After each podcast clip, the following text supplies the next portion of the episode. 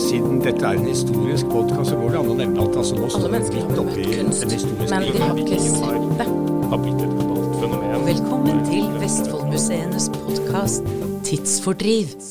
Vestfoldmuseenes podkast Tidsfordriv er tilbake med en ny sesong. Denne sesongen skal du få høre om krigsseilere. Og vi kjenner historien at det angrep jo Hitler-Tyskland Norge den dagen. Da gikk det jo ut melding om at kokkerier og hvalbåter de måtte søke alliert havn. For Hitler var jo selvfølgelig interessert i å slå kloa i norske eh, flåten, da. Særlig altså hvalkokeriene og hvalbåtene. Om hvalfangere. Og der, der det oppsto det begrepet med hvalsjuke.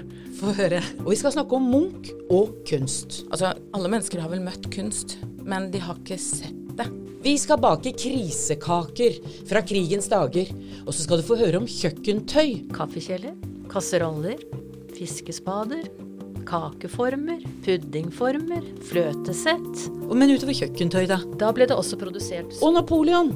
Gjester på, hos keiser Napoleon den tredje. Når de skulle spise, så ble maten servert på aluminiumtallerkener. Og de som kanskje ikke var fullt så prominente og fine, de måtte nøye seg med tallerkener i gull.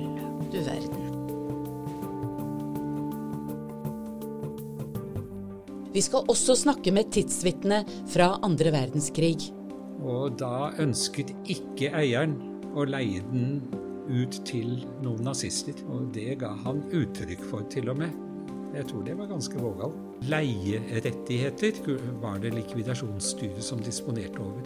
Så de krevde og fikk gjennomslag for at en eh, vaktmann på, i Berg leir, som altså hadde vært med på å plage, arrestere de tre mennene i familien, at det var han og hans familie som fikk overta denne leiligheten.